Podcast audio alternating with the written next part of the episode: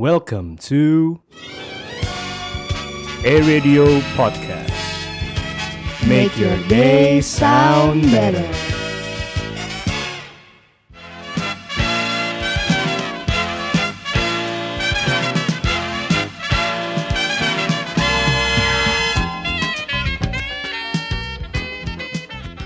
Welcome back to Kemeja Podcast Merdeka Belajar Only on Air Radio Make your day sound better Hai hai listeners dan sahabat Atma yang lagi dengerin di Spotify atau Youtube.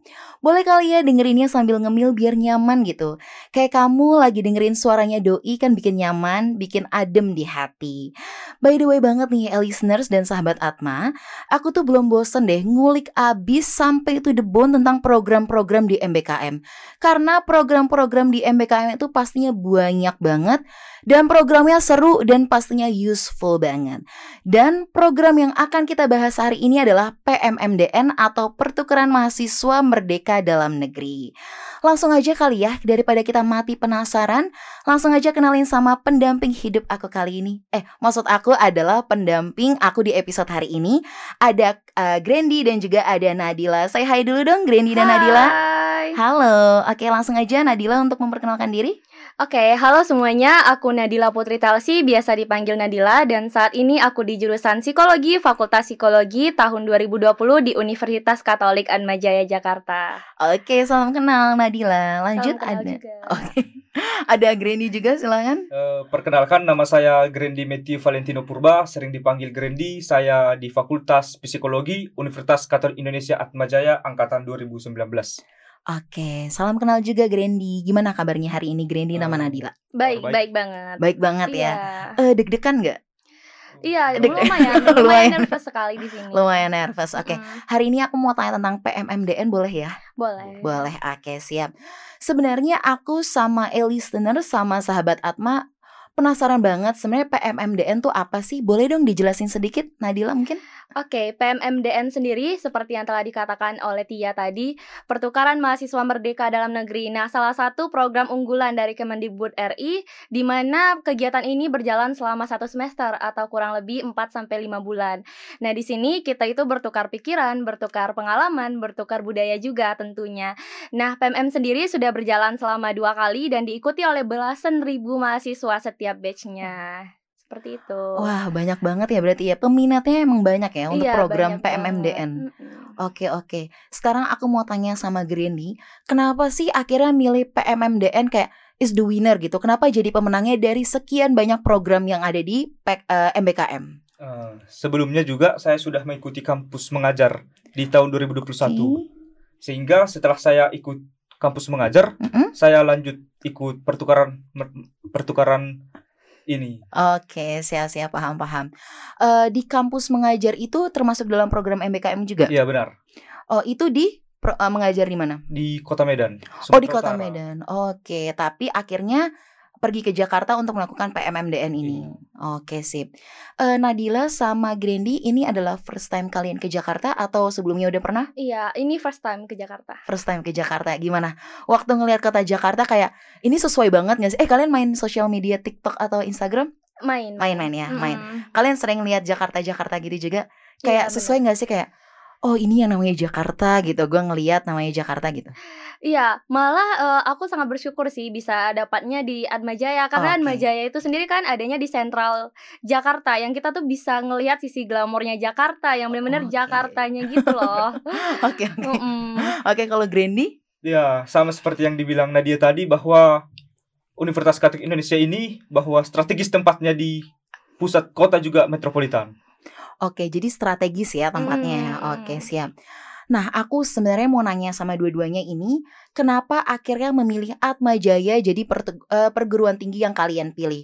Padahal kan bisa kita kasih eh bisa kita lihat ya, banyak banget perguruan tinggi yang ada di Jakarta tuh yang nggak kalah keren ya, bisa dibilang sama semuanya dengan Atma Jaya. Kenapa pilih Atma? Oke, aku duluan Boleh, ya. boleh, silahkan. Eh, eh, pertamanya aku itu memilih dulu pulau mana yang mau aku ambil. Nah, saat itu aku tertarik banget untuk di Pulau Jawa khususnya di Jakarta. Nah, universitas itu aku aku ini aku tulis-tulis ternyata bertemu dengan Atmajaya Jakarta. Nah, di situ Atmajaya itu membuka banyak sekali mata kuliah di jurusanku sendiri yaitu jurusan asalku psikologi. Nah, setelah aku search lagi ternyata backgroundnya Atmajaya ini sangat wow banget ya karena juga salah satu kampus swasta terbaik di Indonesia dan juga termasuk top 100 university in Indonesia. Dan juga letaknya Atmajaya ini yang ada di sentralnya tadi yang di pusat kotanya itu jadinya aku tertarik banget untuk belajar di Atmajaya. Seperti itu. Oke, siap. Kalau dari Grandi? Eh, sebelumnya dari kampus kami bahwa Mm-mm. kami dipersilahkan untuk memilih tetapi usulan dari fakultas untuk Oh. memilih programnya. Oke, siap. Dari Fakultas Pendidikan, Pendidikan. Ekonomi, Ekonomi tadi ya?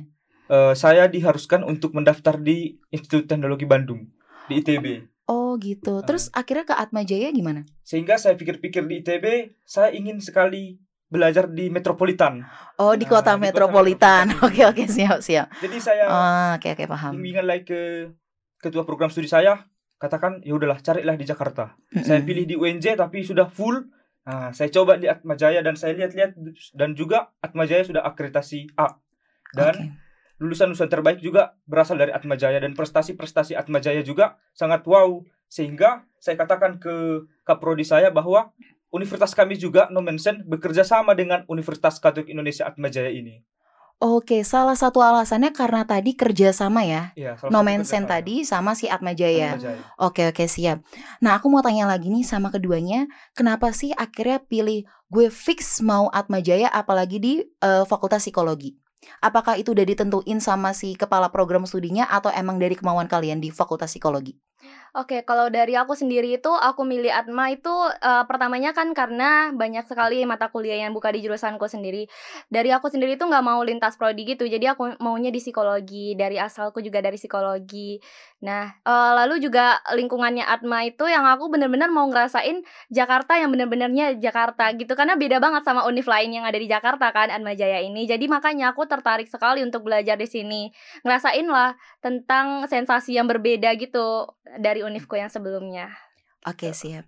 Kalau dari Grandi? Eh, kalau saya saya pilih Fakultas Psikologi karena sebelumnya juga saya sudah mengikuti pertukaran antar fakultas di universitas saya di Universitas HKBP Nomensen Medan. Oh, Oke. Sehingga saya ambil Fakultas Psikologi karena sebelumnya juga saya bertukar di Fakultas Psikologi. Oh jadi memang udah tahu ya latar belakang dari si Fakultas Psikologi ini. Hanya saja di universitas asal saya Heeh. belajarnya dengan materi bahasa Indonesia, tetapi di Atma belajarnya pakai bahasa Inggris. Pakai bahasa Inggris. Oke oke. Tapi eh, itu nggak pak nggak menjadi masalah ketika menggunakan bahasa Inggris. Eh, kalau aku sendiri itu emang di sana memang memakai bahasa Inggris juga untuk program Oke. studi eh, psikologi ini. Jadi aku nggak masalah sih. Mm-mm. Tapi kalau dari Grandi? Eh, kalau saya karena saya pengetahuan saya bahwa pasif bahasa Inggris Uh-uh. jadi saya sedikit kewalahan. Hanya Oke. saja saya selalu konseling dengan dosen saya yang dari psikologi Universitas HKBP Nomensen. Beliau juga lulusan dari Universitas Katolik Indonesia Atmajaya. Oh gitu. Jadi Fakultas memang psikologi. Ah, paham paham. Oke, siap siap. Oke, kalau tadi kita udah ngebahas banyak tentang oke fix gue pilih Atma Jaya, sekarang kita move on lagi ya, bukan hanya ke mantan tapi kita harus move on ke materi selanjutnya. Nah, boleh dong sharing pengalaman kalian udah kuliah selama satu semester ya? Hampir. Hampir, hampir satu semester. Boleh dong dari Grandi dulu deh sekarang. Eh, gimana sih perasaannya mungkin dari materinya atau mungkin dari environmentnya terserah. Eh, kalau saya rasa eh, sewaktu saya berkuliah di Atmajaya, memang saya diajarkan untuk belajar benar-benar belajar. Oke. bahwa saya ikuti mahasiswa setelah pulang dari perkuliahan, mereka semua masuk perpustakaan untuk mencari referensi jurnal-jurnal. Saya bingung, kenapa mereka ke situ? Saya pikir sehingga saya juga belajar bahwa benar-benar membaca itu adalah kunci dari semuanya. Oke. Eh listeners dengerin ya, membaca eh membaca jadi membaca itu adalah kunci dari semuanya. Oke sip, ada yang mau disampaikan lagi? Udah itu. Sekarang Nadila silakan. Eh, kalau aku sendiri ya pengalaman belajar di Atmajaya ini dari segi eh, mahasiswa Universitas Atmajayanya lumayan welcome sekali ke aku. Mm-mm. Kayak kita diskusi atau misalnya kita juga hangout bareng juga tentang pembelajaran juga. Pokoknya kami sharing-sharing lah gimana pembelajaran di Atma, gimana pembelajaran di aku sendiri. Terus kalau misalnya lingkungannya Atma ini eh, bener-bener ya selingkup univnya ini bener-bener disiplin menurutku karena kayak dosen itu nggak bisa telat satu menit pun ya aku bahkan kayak satu menit pun sangat berharga bagi mereka. Dan juga emang mahasiswanya itu juga dididik disiplin. Jadi kalau misalnya ada tugas atau apa itu mereka memang memang bener-bener ini sih belajar gitu. Oke, berarti memang eh, dosen di Unika Atmajaya khususnya di psikologi ya sangat Hmm. menghargai waktu ya bisa dibilang ya. iya. Telat satu menit eh, atau Nadila pernah punya pengalaman ketika telat itu kenapa gitu? oh aku belum pernah sih Oh, belum pernah, tapi Uh-uh. temen ada. temen ada tapi eh, di sini tetap cheerful juga kok tetap dosennya itu walaupun kita telat tapi tetap ambil absen ya walaupun kan kalau di Atma absen itu benar-benar disiplin banget Iya, ya benar-benar. Nah, Oke, oke, gitu. siap. Tapi mengalami culture shock gak? Waktu dari Universitas Negeri Padang sama Nomensen itu mengalami culture shock gak? Kayak ada perbedaan gitu. Mungkin dari Ada. Grandi ada. Ada. Gimana gimana cerita cerita. Eh, ketika saya jumpa dengan teman-teman Atma, saya berbicara, aku mereka bingung. Eh, kamu dari Batak ya? oh Saya gitu. langsung Jadi langsung gitu ya. Eh, jadi Oke, saya- paham. Saya sedikit minder karena bahasa Indonesia saya masih bahasa Indonesia yang baku. Oh Ah, gitu. jadi- Oke. Perkuliahan di Atma bersama teman-teman juga mereka welcome karena saya berasal dari Batak. Mere- Mm-mm. Mereka eh, bingung dengan bahasa saya yang tidak Indonesia banget gitu. Oke, berarti tertarik karena memang ini ya eh, bahasa yang eh, Grandi bawa tuh baku sejak Baku. awal. Terus bahkan pertama kali kenalan sama orang pakainya aku kamu, Aku, aku dan kau. aku dan kau gitu. Oke, boleh dong di spill dikit mungkin bahasa Batak gitu. Eh, Apa mungkin perkenalan diri atau apa gitu? Eh, kalau di Sumatera Utara khususnya Medan itu bahwa kami ada beberapa Batak. Saya dari Batak Simalungun dan saya juga tahu Batak Toba sehingga kalau memperkenalkan diri dari bahasa Batak Simalungun itu eh, Goranhu Grendi Purba Oh, sehingga oke. dan dari bahasa Batak Toba Heeh. Guarhu Grendi Purba. Oh sebenarnya itu sama atau beda? Sama, sama. Oh sama. Pengucapannya berbeda. Oh gitu. Oke tadi Guranhu ya. Goranhu. Goranhu. Oke, nanti eh, listeners yang mau belajar banyak tentang eh, bahasa Batak boleh ya, ke Grandi nanti dikasih kontaknya boleh? Boleh boleh. Oke, oke sip. Kalau dari Nadila mengalami culture shock nggak? Eh, kalau misalnya di univ dari fakultas psikologinya enggak sih, tapi Oke. selingkup univnya mereka itu lebih individual ya kalau yang aku lihat. Oke. Jadi eh, misalnya kita mau ngapain, mau duduk sendiri, mau jalan sendiri, mau makan sendiri, mereka nggak peduli dengan apa yang kita lakuin. Oke. Sebenarnya dengan itu tuh kita bisa mengekspresikan diri kita seperti apa. Eh, tapi mungkin minusnya itu kitanya jadi susah bersosialisasi sama mereka gitu. Oke, tapi waktu pertama kali kenalan sama yang lainnya Mm-mm. itu em, Nadila yang reach out duluan atau si teman-teman yang lain yang reach out? Ada yang aku duluan, ada yang mereka duluan. Misalnya Tapi- kayak mm-mm. nanya, aku program apa? Rata-rata mahasiswa Universitas Atmajaya itu nggak tahu PMM itu apa. Jadi mereka kayak bertanya apa ini programnya dan dari mana seperti itu. Oh, jadi bisa dibilang menambah eh, pengetahuan dari si teman-temannya Nadila juga ya yang ada di. Atmajaya tentang PMM ya. Oke, oke, siap.